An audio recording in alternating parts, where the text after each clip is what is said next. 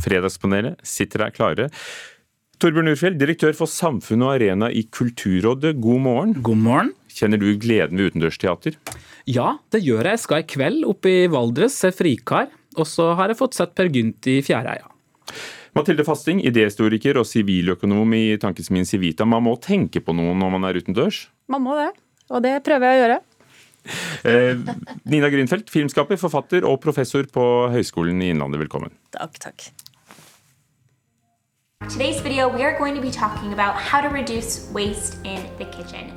Today, I'm going to show you the top three ways to create more happiness so that you can actually enjoy your time in this game that we all play called life. We have been tricked to stay stuck in jobs that are literally making us sick. Selvhjelpsbøker, serier og, og podkaster som det vi hørte fra, selger som aldri før. Salget har økt med 40 av disse bøkene i år i den største bokhandelkjeden i Norge. Spørsmålet til panelet er hjelper selvhjelpsbøker? Nina Grünfeldt. Ja, i 10% av tilfellene. Torbjørn Ufjell. Ja. Mathilde Fasting. Nei. Hjelper det fordi du vil at de skal hjelpe? Nei, vet du noe, jeg har ekstremt dårlig erfaring. Jeg eier ikke en eneste selvhjelpsbok. Men eh, jeg tenker, og det, kanskje det er for at jeg tror ikke jeg er den nye Steve Jobs. Og så syns jeg faktisk det å være ansatt statlig kulturbyråkrat gir mening. Eh, Men jeg tenker at eh, bøker handler jo om å konsentrere seg, om å gå i dybden. Og hvis du bruker så lang tid som det tar å lese ei sjølhjelpsbok til å tenke på noe som du syns er viktig for deg, så bør det hjelpe. Så det er mer et sånt håp, håpende ja, eh, siden så mange faktisk da leser det. Nei, altså, Jeg leste litt på nettet om dette, her sånn, og da Christian Bjørkdal han uttalte i 2016 at 10% av bøkene er forskningsbasert og har en mulig eh, har mulighet til å kunne gi effekt da, hos leseren. Jeg tror jo at man kjøper selvhjelpsbøker fordi man har en drøm om å bli en bedre utgave av seg selv, og så blir man ikke helt det. Men man blir til slutt ganske fornøyd med at man i hvert fall har lest boka. Eh, Så den har kanskje en effekt med at man kan føle nettopp som du sier, da. Man har gjennomført noe, man har lest en bok, og det er ganske bra i seg selv. Men du blir ikke Du får sjelden oppfylt drømmen om å lære noe nytt eller endre på livet ditt eller bli slankere eller klokere. Altså, jeg hørte jo nå lese en bok. Ja, det er kjempeflott å få den mestringsfølelsen ved å lese en bok, men da kan du lese noe annet enn en selvhjelpsbok, egentlig. Det fins jo massevis av bøker å lese, og jeg tenkte at hjelper hjelp i selvhjelpsbøker Vel, i dag da jeg skulle hit på Fredagspanelet, så konkurrenten deres VG lå nede på, i resepsjonen her nede. Og da slo jeg på den, sto på forsiden. Her er tipsene til at du skal få et bedre liv. Bladde jeg opp på side 27-28, og der sto det Én, opplev meningen med livet, at du har opplevd den. To, fysisk aktivitet. Og tre, et godt parforhold. Og det var de tre rådene som man skulle få hvis man skulle hjelpe seg selv til å få et bedre liv. Da var de, måtte de tingene være på plass. Så tenkte jeg bare les tre små linjer i VG, så har du svaret. Du glemte jo snakk med en venn, da. Og Ja, det er ja. kanskje det delen snakk med ly- Lytt til erfarne fjellfolk. Kanskje det er vel så smart som å lese en bok. Jeg leste ikke hele artikkelen, det sto sikkert inni det. De burde hatt det. Dette uttrykket med å bli en bedre utgave av seg selv, hva, hva syns dere om det? Hvor kommer det fra? Du som er idéhistoriker. Når, når, når fikk vi for oss at det ikke holder å være som hun ene psykologen sa i den reportasjen vi hadde, å, å leve et traust, vanlig liv og, og klare seg godt? Altså Hvis du skal gå helt tilbake igjen til hvor vi begynner å snakke om å kunne skrive om seg selv og være selv individet bevisst, så må vi tilbake igjen nesten til renessansen, til f.eks.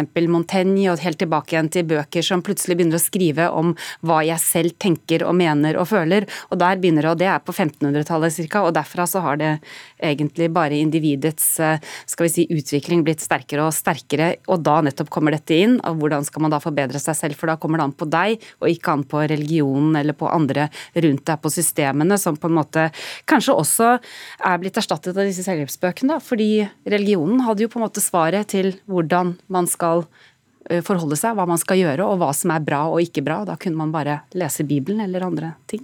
Men en del av disse bøkene snakker også hele tiden om hvor viktig det er med selvtillit. Og det jeg også leste meg fram til i går, var at det viser seg rent vitenskapelig at de som har liten selvtillit, faktisk presterer bedre enn de som har høy selvtillit.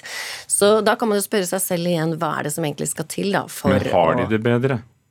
Nei, det kanskje de ikke har, men de, de har jo ikke da denne hybrisen da, av at de tror at de allerede kan, sånn at de faktisk sett presterer bedre. Så for omgivelsene så er det kanskje ikke så gærent. Har du aldri Torbjørn Urfjell, forholdt deg til en bok, kjøpt en bok, øh, som lovet deg å bli enten slankere hvis du skulle ville, eller rydde bedre, eller et eller annet? Jeg har, jeg har sånn vedbok og masse kokebøker sant, som gir litt veiledning. De kan jo bla i feit i en fei, kan de kanskje hete. Men, eh, så, så de, den type, men jeg regner ikke det som sjølhjelpsbøker. Eh, Men jeg syns jo det poenget til Nina her med at eh, kanskje man kan få for god sjøltillit. eh, Sånn at eh, du faktisk må eh, skjønne at du òg må yte litt innsats. Så han ikke skal stige deg, til hodet? Ja, for hun Psykologen som kommenterte denne saken tidligere i uken, hun sa jo noe som jeg tror kanskje er eh, kjernen i det hele. At det er hvis du ikke kjenner at du er eh, At du, du, du, streber etter noe, at forskjellen mellom det du ønsker å være og det du syns du selv er, det er da du, du tyr til disse selvhjelpsbøkene. Og det mener hun er feil. da, At vi har disse høye kravene til hvordan vi skal være, og at det er det som har utløst at de er helt urealistiske. Og dermed så kjøper folk masse selvhjelpsbøker for å forsøke å oppnå krav på alle mulige felt for å bli bedre. Og det er der feilen ligger. Men det påstås jo at det har vært en økning i 40% av, i salg. De sa det. av disse- Nordlys som sier det ja. til oss. Og det, Jeg snakket med noen i forlagsbransjen, de kjente seg ikke helt igjen i dette her. Da. Så jeg vet ikke, kanskje det bare er eh, bokbransjen som Kanskje gamle titler Kanskje som vi, Prøver å kanskje forføre vi oss. kjøper i håp om å lese. Så nå blir neste boka 'Hvordan lese alle bøkene du har kjøpt'. Kultur er selvfølgelig også politikk, og Melodi Grand Prix intet unntak. Eurovision Song Contest.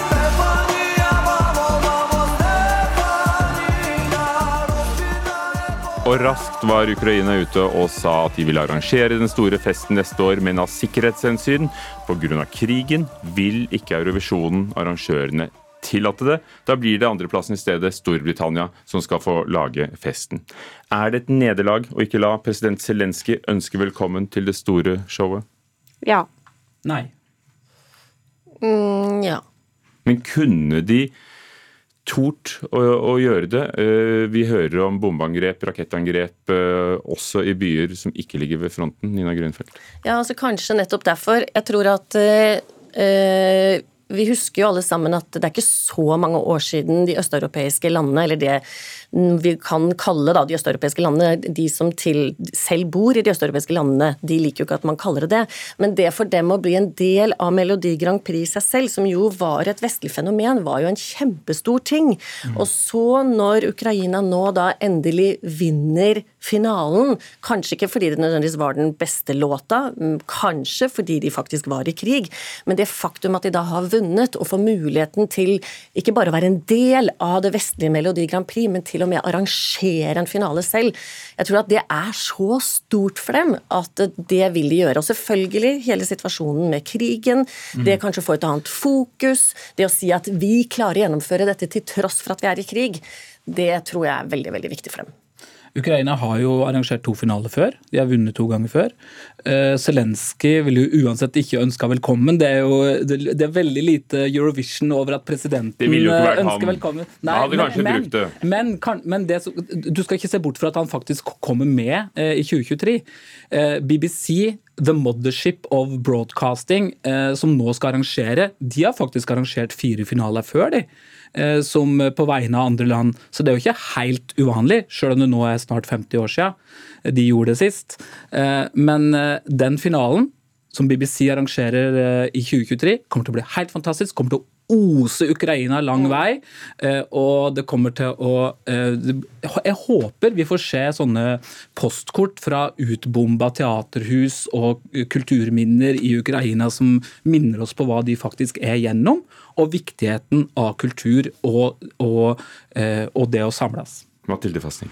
Jeg svarte ja fordi jeg tenkte sånn helt overordnet at det er et nederlag at det er krig i Ukraina, og at den ikke er i ferd med å avsluttes eller bli ferdig, slik at det kunne vært neste vår sikkert å arrangere. Kanskje til og med i Mariupol. Kanskje, ja, som kanskje til og med i. Mariupol. Så det blir liksom den, den overordnede tingen som jeg syns, syns er trist. Men du har helt rett. BBC har steppet inn og arrangert OL Jeg holdt på å si OL, det kan du høre? Ikke OL, men eh, Like stort. like stort. Grand Prix for, for mange land. Men de har gjort det pga. økonomiske årsaker, stort sett. At de landene ikke har eh, hatt penger til å De har vunnet for mange ganger på rad. Ikke sant. Så, så, men, men jeg tror du har rett i at det kommer til å bli en sending preget av eh, Ukraina, uansett hvor Ja. selve stedet er. Sannsynligvis så blir den jo mer ukrainsk enn om den hadde vært i Ukraina. Og det er jo heller ikke første gang at, eh, at eh, et land sier fra seg. Altså Israel i 1980, tror jeg det var, mm. overlot til Nederland å arrangere Melodi Grand Prix. Da tror jeg de hadde vunnet to år på rad. Og det var for mye for et lite land i krig. Så land i krig, eh, det, er jo, det tror jeg vi alle har full forståelse for, at eh, det er problematisk å gjennomføre et så stort arrangement. Dere, tidenes norske, største norske filmproduksjon, eh, ifølge produsentene selv, da, har premiere snart. Gjort av jord og stein. Nesten rundt hjertet. Is til bein. Fra mørket kan de. Lyset denne. Troll, regi Roar Uthaug, han som laget Fritt vilt, norske skuespillere, norsk besetning. Men filmen får vi aldri se på kino. Den havner rett på Netflix, som betaler gilde, skriver Dagens Næringsliv denne uken. Er Netflix helt desperat nå når de velger å holde filmen borte fra kinoen og tvinge deg til å strømme? Nei. Nei. Ja. Nina Grünfeldt, du som er eh, filmskaper selv. Store filmer gjør det fortsatt stort på kino, selv om kanskje gullalderen er forbi? Ja, Men for Netflix så er nok kanskje en norsk film likevel ikke stor nok. Eh, Netflix er jo global, og Troll er nok i utgangspunktet nasjonal i en norsk sammenheng. Og Netflix sin kjernevirksomhet er jo ikke kino, det er jo nett, mobil og PC-en vår, da. Eh, Så for dem, i en verden der de taper abonnementer og abonnenter nå så det suser, så tror jeg nok at for dem er det aktuelt å få den bare rett ut i sin primærkanal. Det er norske troll som skal redde abonnementene til Netflix.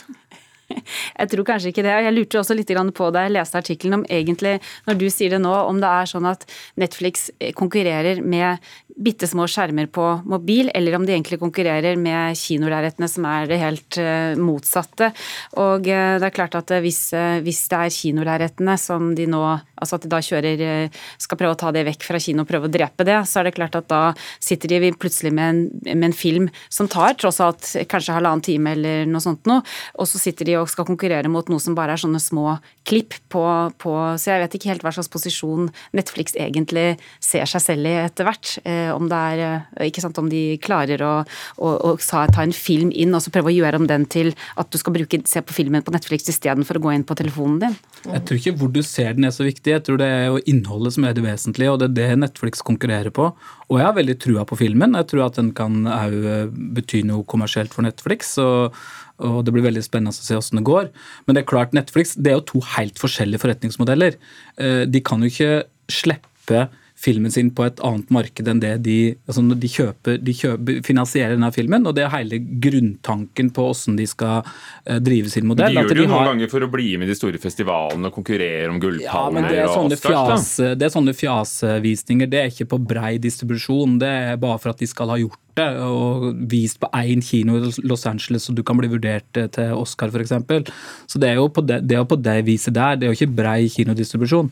Det som er mer interessant, det er jo om de som nå produserer film i Norge, tror at de i framtida kan bli finansier, få finansiert filmene sine fra Netflix. Men det var det For han sa, han, det, eh, det håper Motion Blur. Ja. Jeg tror de kan, Produsentselskapet. ja, og jeg tror de, kanskje de kan gjøre være, bli litt blå på det. For du ser jo nå eh, på HBO trekker seg ut av det norske markedet, for nå skal de forrente investeringene sine. Nå skal de ikke lenger eh, være gode, snille, komme inn og gjøre norsk produksjon. Så derfor så må det også følges med med noen krav. Ja, for jeg, ble, jeg tenkte jo også på det. Produsenten her virket veldig fornøyd med at Netflix eh, skulle, skulle finansiere, var, var med på å skulle gjøre hele pakka for dem. Og da, Hvis han blir veldig avhengig av det, da, hva, hva skjer da Men det film? gjør de jo. Altså, vi har vel, hva jeg vet, to selskaper i Norge. Global Entertainment til bl.a. Per Olav Sørensen, som ble nevnt her eh, tidligere. Regi som har på regi på Per Gynt, ja. Og Motion Blur. Altså, ikke sant? Og dette er to markante selskaper som nå er inne i folden til Netflix, og det er de plutselig ikke. Sånn at eh, jeg tror man skal være veldig forsiktig med å hvile seg på dette, og det vet jo disse produsentene også. Det er gøy så lenge det varer, men det varer sannsynligvis ikke så veldig lenge. Men er det ikke synd Nina Grunfeldt, å se en film hvor de har brukt de beste kameraene og millioner på lys og sminke og høy oppløsning, og så se det på en Jo, telefonskjerm? er du gæren? Oi. Er du gæren? Det er kjempetrist. Det er trist. Eh, men altså, kinoen har hatt en tøff tid. Vi må alle begynne å gå på kino igjen. Er du gæren? Takk skal dere ha. Nina Grünfeldt, eh, filmskaper og professor Mathilde Fasting, idéhistoriker og siviløkonom i Civita. Tankesmien Torbjørn Urfjell, direktør for samfunn og arena i Kulturrådet.